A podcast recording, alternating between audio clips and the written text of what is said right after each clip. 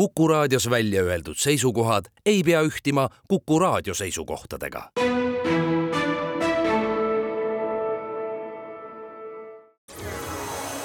loodusajakiri, vaata ka looduseajakiri.ee.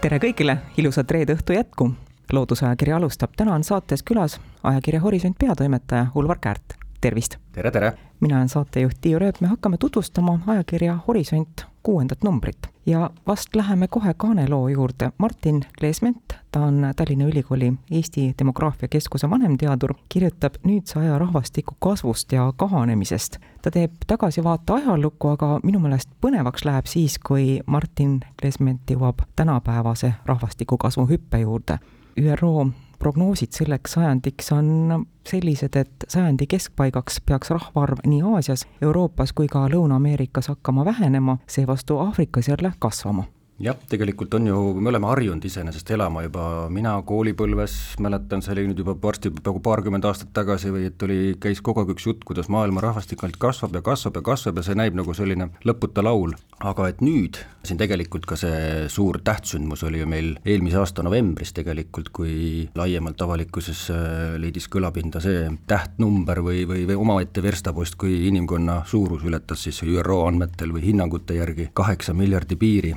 Neid miljardeid on kogu aeg tulnud äh, väga kiire hooga viimasel ajal, aga et ning Lesment siin selles loos välja toob, et siis tegelikult äh, tuleb välja, et see laul hakkab läbi saama jäädavalt. millest siin ütleme jutt käib selleks on omaette äh, mõiste või asjaolu, millest nagu rahvastikuteadlased räägivad, kui nad sellisest viimasest sellisest kasvust räägivad, on siis demograafiline üleminek. omamoodi niisugune salakaval nähtus, et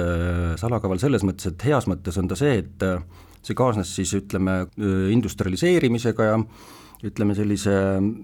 ühiskonna moderniseerumisega, mille läbi siis ütleme, varem oli hästi palju lapsi peredes, ütleme, aga et siis sellise industrialiseerimise ja, ja kaasaegsema eluga nii-öelda uuenemise äh, tekkis siis ka pere planeerimine näiteks, et inimestel läks äh, üsna palju tähelepanu ikkagi tööelule.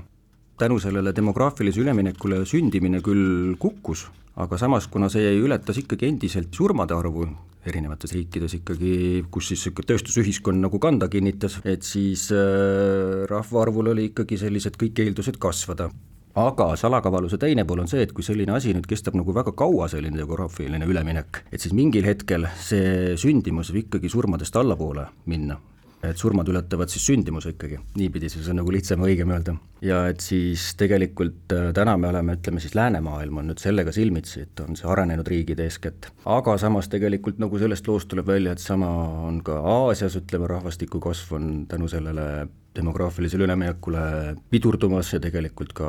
langemas, praegu on Aafrika mustal mandril kuskil poolteist miljardit inimest näiteks, et siis siin veel prognoosid näitavad, et kuskil miljard tuleb siin veel, äh, sinna veel kenasti otsa, aga et tegelikult ka Aafrikas on sajandi lõpuks kuskil see rahvastiku kasv peatub ja siis ka tegelikult kogu maailma selline inimkonna number hakkab siis äh, vähenema hoopiski ja näiteks kui me tuleme siia Eesti konteksti, millest ka Martin Klesment selle suure taustal nagu ka alati Eesti näidet toob, ütleme, miks meil on viimasel ajal ka see rahvastiku teema väga aktuaalne, et meil on ju selle aasta alguses tegelikult leidis väga palju selline omamoodi selline mõtlemapanev või murettekitav rekord oli, et kui sündide arv jäi esimest korda kogu sellisest rahvastikustatistika kogumise aja jooksul, ehk siis alates tuhande üheksasaja üheksateistkümnendast aastast, oli kõige läbi aegade kõige väiksem, ehk siis äh, sündide hulk jäi alla kaheteist tuhande aastane, aga tegelikult täna, kui hakkab saama juba meil siin juba selle aasta statistika, et siis tegelikult rahvastikuteadlased räägivad, et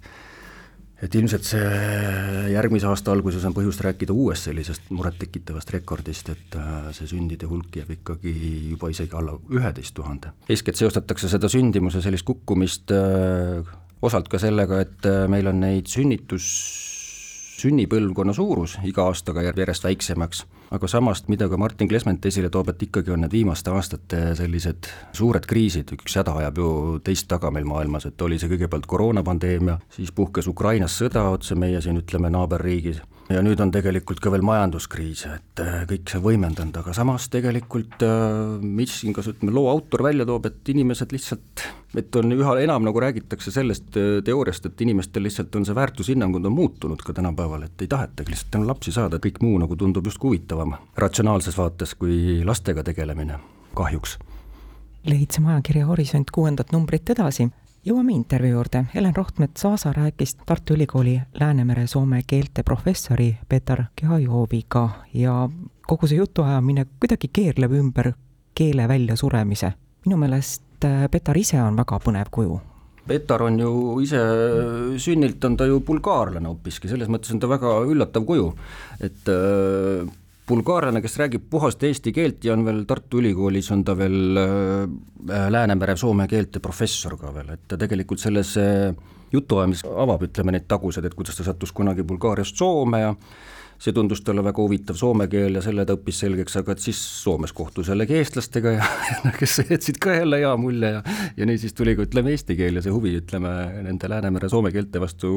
laiemalt. kunagi temal see, ütleme, selline põhiteema teadustöös ikkagi, ta keskenduski keelte väljasuremisele, et mis see siis, ütleme, on see või millal keel sureb välja, aga tal on üks väga lihtne lühikene selline moment, et kuhu see, ütleme, see verstapott maha lüüakse, et millal võib lugeda üht keelt väljasurevaks, on see, et see algab siis, kui enam kodu kodudes äh, vanemad lastega ei räägi selles äh, nii-öelda selles põliskeeles, vaid näiteks võtavad noh, kui me räägime Läänemere Soomes, et siis on, enamasti on see vene keele mõju, et siis hakatakse peredes, ema hakkab või vanemad hakkavad lastega rääkima hoopiski vene keeles mingitel põhjustel siis. väljasuremine lõppenud siis, kui see viimane, viimane inimene ära sureb, kelle jaoks veel see keel oli emakeel aga et noh, siin näiteks niisugused näited on vepsa keel või, või ka ütleme, liivi keel, meile eesti keelele sellised ühed väga sarnased keeled. Selle intervjuu tonaalsus ei ole üldse mitte nii kurb, kui võib-olla raadiokuulajal praegu tunne tekkis. aga me läheme ajakirja Horisont kuuenda numbri lehitsemisega edasi. Hardi Veermäe ja Gert Hütsi, füüsik ja astrofüüsik, kirjutavad kosmoseteleskoop Euclidist. Euclid sellel suvel lennutati taevasse tema eelkäija James Webbi nimeline kosmoseteleskoop tekitas siin, on omajagu varem seda elevust tekitanud, et niisugune läbi aegade üks uhkemaid kosmoseteleskoope, mis enne Euclidit üles saadeti ja mida ta kõike tegema hakkab ja kui teravaid kosmosepilte ja ütleme, mis ta kõik teeb, aga et nüüd on siis Euroopa Kosmoseagentuuri eestvedamisel ka ütleme, saanud valmis selline, kuidas ma ütlen siis, Euclid, aga kelle nimekaim on siis tegelikult Vana-Kreeka matemaatik Euclides, et kust ta on oma sellise missiooni nime saanud, see teleskoop. Hardi Veerma ja Gert Hütsi tegelikult kirjutavadki nüüd selle lähemalt lahti, et mida see väga peen riistapuu seal üleval siis kõike tegema hakkab nagu see kosmose pool ikka on meil tundub, et me teame selle, selle kohta universumi ja kosmose kohta õige palju, aga tegelikult äh, on seal ikkagi väga suured paradoksid ja suured küsimärgid. mis asi see, ütleme, on, et see kõige see salapärasem pool on ikka see universumi tumedam pool, ehk siis et kui me teame siin, et on nähtav aine, mida on viis protsenti universumist, aga et kõik muu on tegelikult see tume, on see siis äh, tume aine või, või tume energia, et siis äh, kuidas me saame nagu mõista seda universumit, kui me ei tea, mis asjad need universumi tume pool on, ehk mida nad endast õige kujutavad, need tume aine ja tume energia, aga et just siis siis selle kosmoseteleskoop, mis peaks siis Euclid kolmandiku taevast üles pildistama väga täpselt ja, ja ütleme, kaardistama ära, kui palju neid oli siin, miljardites oli neid galaktikaid kõike, ütleme, et siis seeläbi tegelikult tuleks üks läbi aegade kõige põhjalikum ja teravam taevakaart ja siis ütleme, siit nende andmete põhjal on juba võimalik astronoomidel juba hinnata ka näiteks seda, et kuidas see ainejaotus on mismoodi see välja näeb täpsemalt seal äh, universumis ja seeläbi siis tegelikult ongi võimalik ka ehk siis jõuda nii kaugele, et natuke see oleks selgem, et mis asi see, või hakata vähemalt aimama, et seda tumeenergiat ja ka tumeainet natukese paremini. ikka jälle, et sammuke astuda lähemale sellele, et siis aru saada, mis asi see meie ümber kõik on, see suur ja mõõtmatu kõiksus. kosmose teemal jätkavad ka Anti Hektor ja Kristjan Kannike. Nad kirjutavad artiklisarjas Sündmuste horisondil sellest, kui sitke on elu kosmoses. Ja kui nüüd väga lühidalt kokku võtta, siis ähm, tuleb tõdeda, et kogu elu väljasuremine Maa-sarnasel planeedil meie päikesesüsteemi asukohas on üsna vähetõenäoline, mikroorganismid jäävad ellu ja sellised loimurite sarnased pisielukad ka. Jah, üks asi on, eks ju see, et kui sitke see elu on, et on sitke, eks ju, aga et äh, tegelikult jah, nad ka räägivad seejuures ikkagi, et mis on need sellised kosmilised kataklüsmid, mis on väga-väga ohtlikud, kunagi näiteks meil Linnutee südames oli must auk, see, mis hoiab, ütleme, neid linnutee tähti, sealhulgas ka päikest enda gravitatsioonilises haardes. kunagi see oli veel sellises aktiivsem periood, et siis ta kiirgas, sellist tapvat kiirgust ja see, selle aktiivse musta augu kiirgus siis tegelikult ulatus kui paljude sadade valgusaastate taha, ehk siis kõik, mis sellesse vööndisse, ütleme, tähed oma selliste kas siis elurikaste või, või elutute planeetidega jäid, et tegelikult selline kiirgus on, on nagu hävitav. siin nad selgitavad ka sellist nähtust, et kui kaks neutrontähte kokku põrkavad veel, sellised eluea lõpul tähed, mis siis meil on, ütleme, selline kilonoova, ehk siis ka nende kokkupõrkega kaasnev selline radioaktiivne kuma, et ka see on tegelikult selline õudne ja tappev asi kosmoses. see kosmos tegelikult ei ole üldsegi elusõbralik, aga ometi näed, et äh, elu siiski on olemas ja sitke ka veel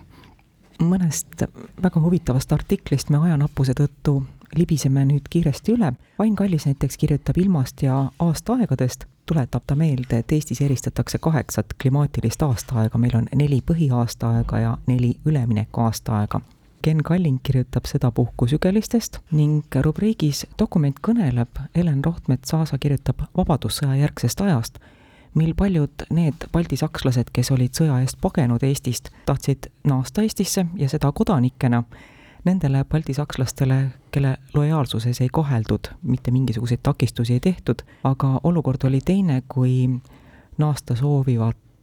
baltisakslast kahtlustati koostöös Landesveriga. veel saab ajakirja Horisont kuuendast numbrist lugeda sellest, kuidas pisikestest paatidest sai Vene Musta mere laevastiku õudusunenägu. Kadri Paas, kes on Kaitseliidu Küberkaitsekeskuse liige, annab ülevaate Ukraina mereväe ujuvdroonidest. Edith Alpsepp, Tartu Ülikooli teadusfilosoofia teadur, kirjutab ennustusest ja tõestusest evolutsiooniteoorias jah, tavaliselt on see bioloogia filosoofia rubriik meil selline lühem, aga et seekord äh, oli tal seda kirjutamisainest natukese rohkem. ja et kui me räägime evolutsiooniteooriast, siis see on ju tegelikult üks kuulsamaid selliseid äh, uuema kaasaja teaduse üks selline mm, tuntumaid saavutusi justkui, et seletada ära siis, et kuidas see elusloodus meil on, ütleme, mis reeglite järgi ta justkui areneb ja, ja on, aga et samas Edithile pakub alati huvi, et noh, et kui evolutsiooniteooria on, et siis iga teooria peab olema kuidagi kui ta on teaduslik teooria, et siis ta peab olema tõestatav ja ka kontrollitav mingisuguste katsete või näidetega siis, et aga nii mõnedki ei pea näiteks evolutsiooniteooriat selliseks, kuidas öelda, nagu päris ikka selliseks täisväärtuslikuks või õigeks teooriaks, on ka selliseid, väga palju selliseid äh, vaieldavusi on selle teooria juures ka, et noh, ütleme just tänu nende vaieldavustele, millest siin see juttu on selles loos, et see eluliste näidetega, et see muudabki selle loo ka väga huvitavaks, no näiteks üks üks küsimus, näide näiteks, et kuidas on siis ütleme aja jooksul kujunenud inimese selline suur ajumaht. selle näitel hakkame nüüd mõtlema evolutsiooniteooria peale, et kuidas siis ütleme, seda seletada. et on autorid, kes leiavad, et see ajumaht hakkas tingis see, et kui inimene hakkas kahel jalal kõndima ja siis ta vabastas käed ja ta sai hakata keeruliste käeliste töödega tegelema. aga samas on ka näiteks laual on täitsa selline nii-öelda veejahvi teooria, mille järgi siis meie esivanemate aju hakkas kiiresti arenema siis, kui nad väidetavalt, arvatavalt elasid sellises äh, madalas vees ja otsisid ja elasid ja siis ka otsisid toitu kaldavees. kolmanda versioonina on ka tegelikult laual siis selline hüpotees või arvamus, et nii-öelda Machiavelli intelligentsuse hüpotees, mille kohaselt siis hakkas äh, aju laienema selle taga on äh, meie esivanemate hominiidsete ühiskondade sotsiaalne struktuur, et edukamalt said hakkama need isendid, kes olid võimelised sõlmima keerukamaid omavahelisi liite ning mäletasid teiste osutatuid teeneid, et aga et kui me tuleme nüüd, et siis kuidas me siis milles see küsimärk ongi tegelikult, et kuidas me nüüd tõestame, et milline nendest hüpoteesidest on õige või vale.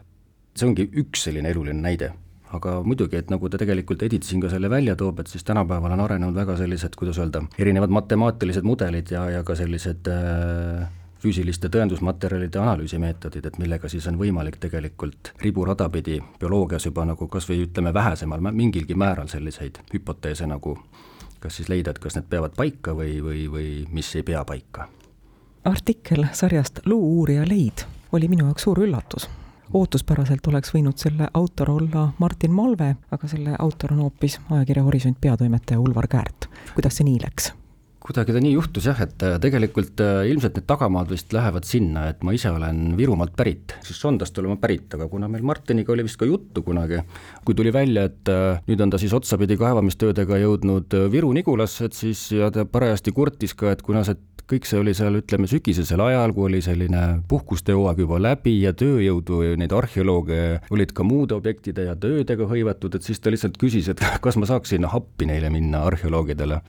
ja kuna ma olen ju siiamaani ikkagi aastaid ja aastaid ainult lugenud selliseid lugusid, on need siis kas mõned aardeleidudega või, või ütleme, luuleidudega seotud lood, et siis oli väga suur huvi juba minna ise oma käega proovida seda tööd, näha, mismoodi see käib siis, ütleme, millest siis muidu tavaliselt me vaatame luudest, puhtaks pestud luudest pilte ja, ja loeme siis, ütleme, järeldusi, mis seal on, aga tegelikult jah, see on äärmiselt põnevad väljakaevamised olid Viru-Nigulas. et kiriku kõrval, ütleme, tuli seal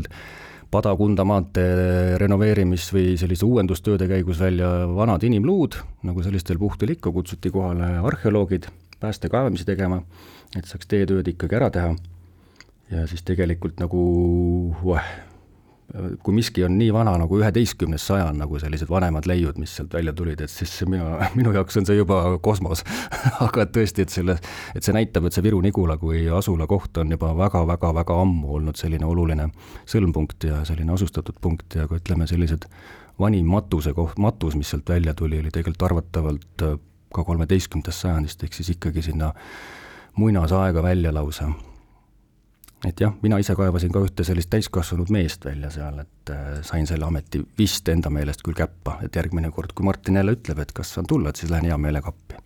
aitäh, ajakirja Horisont peatoimetaja Ulvar Käärt, et sa tulid stuudiosse ja rääkisid meile, millest ajakirja Horisont kuuendast numbrist lugeda saab, suur tänu sulle! aitäh! aitäh kõigile kuulajatele, jälle kuulmiseni! loodusajakiri, vaata ka looduseajakiri.ee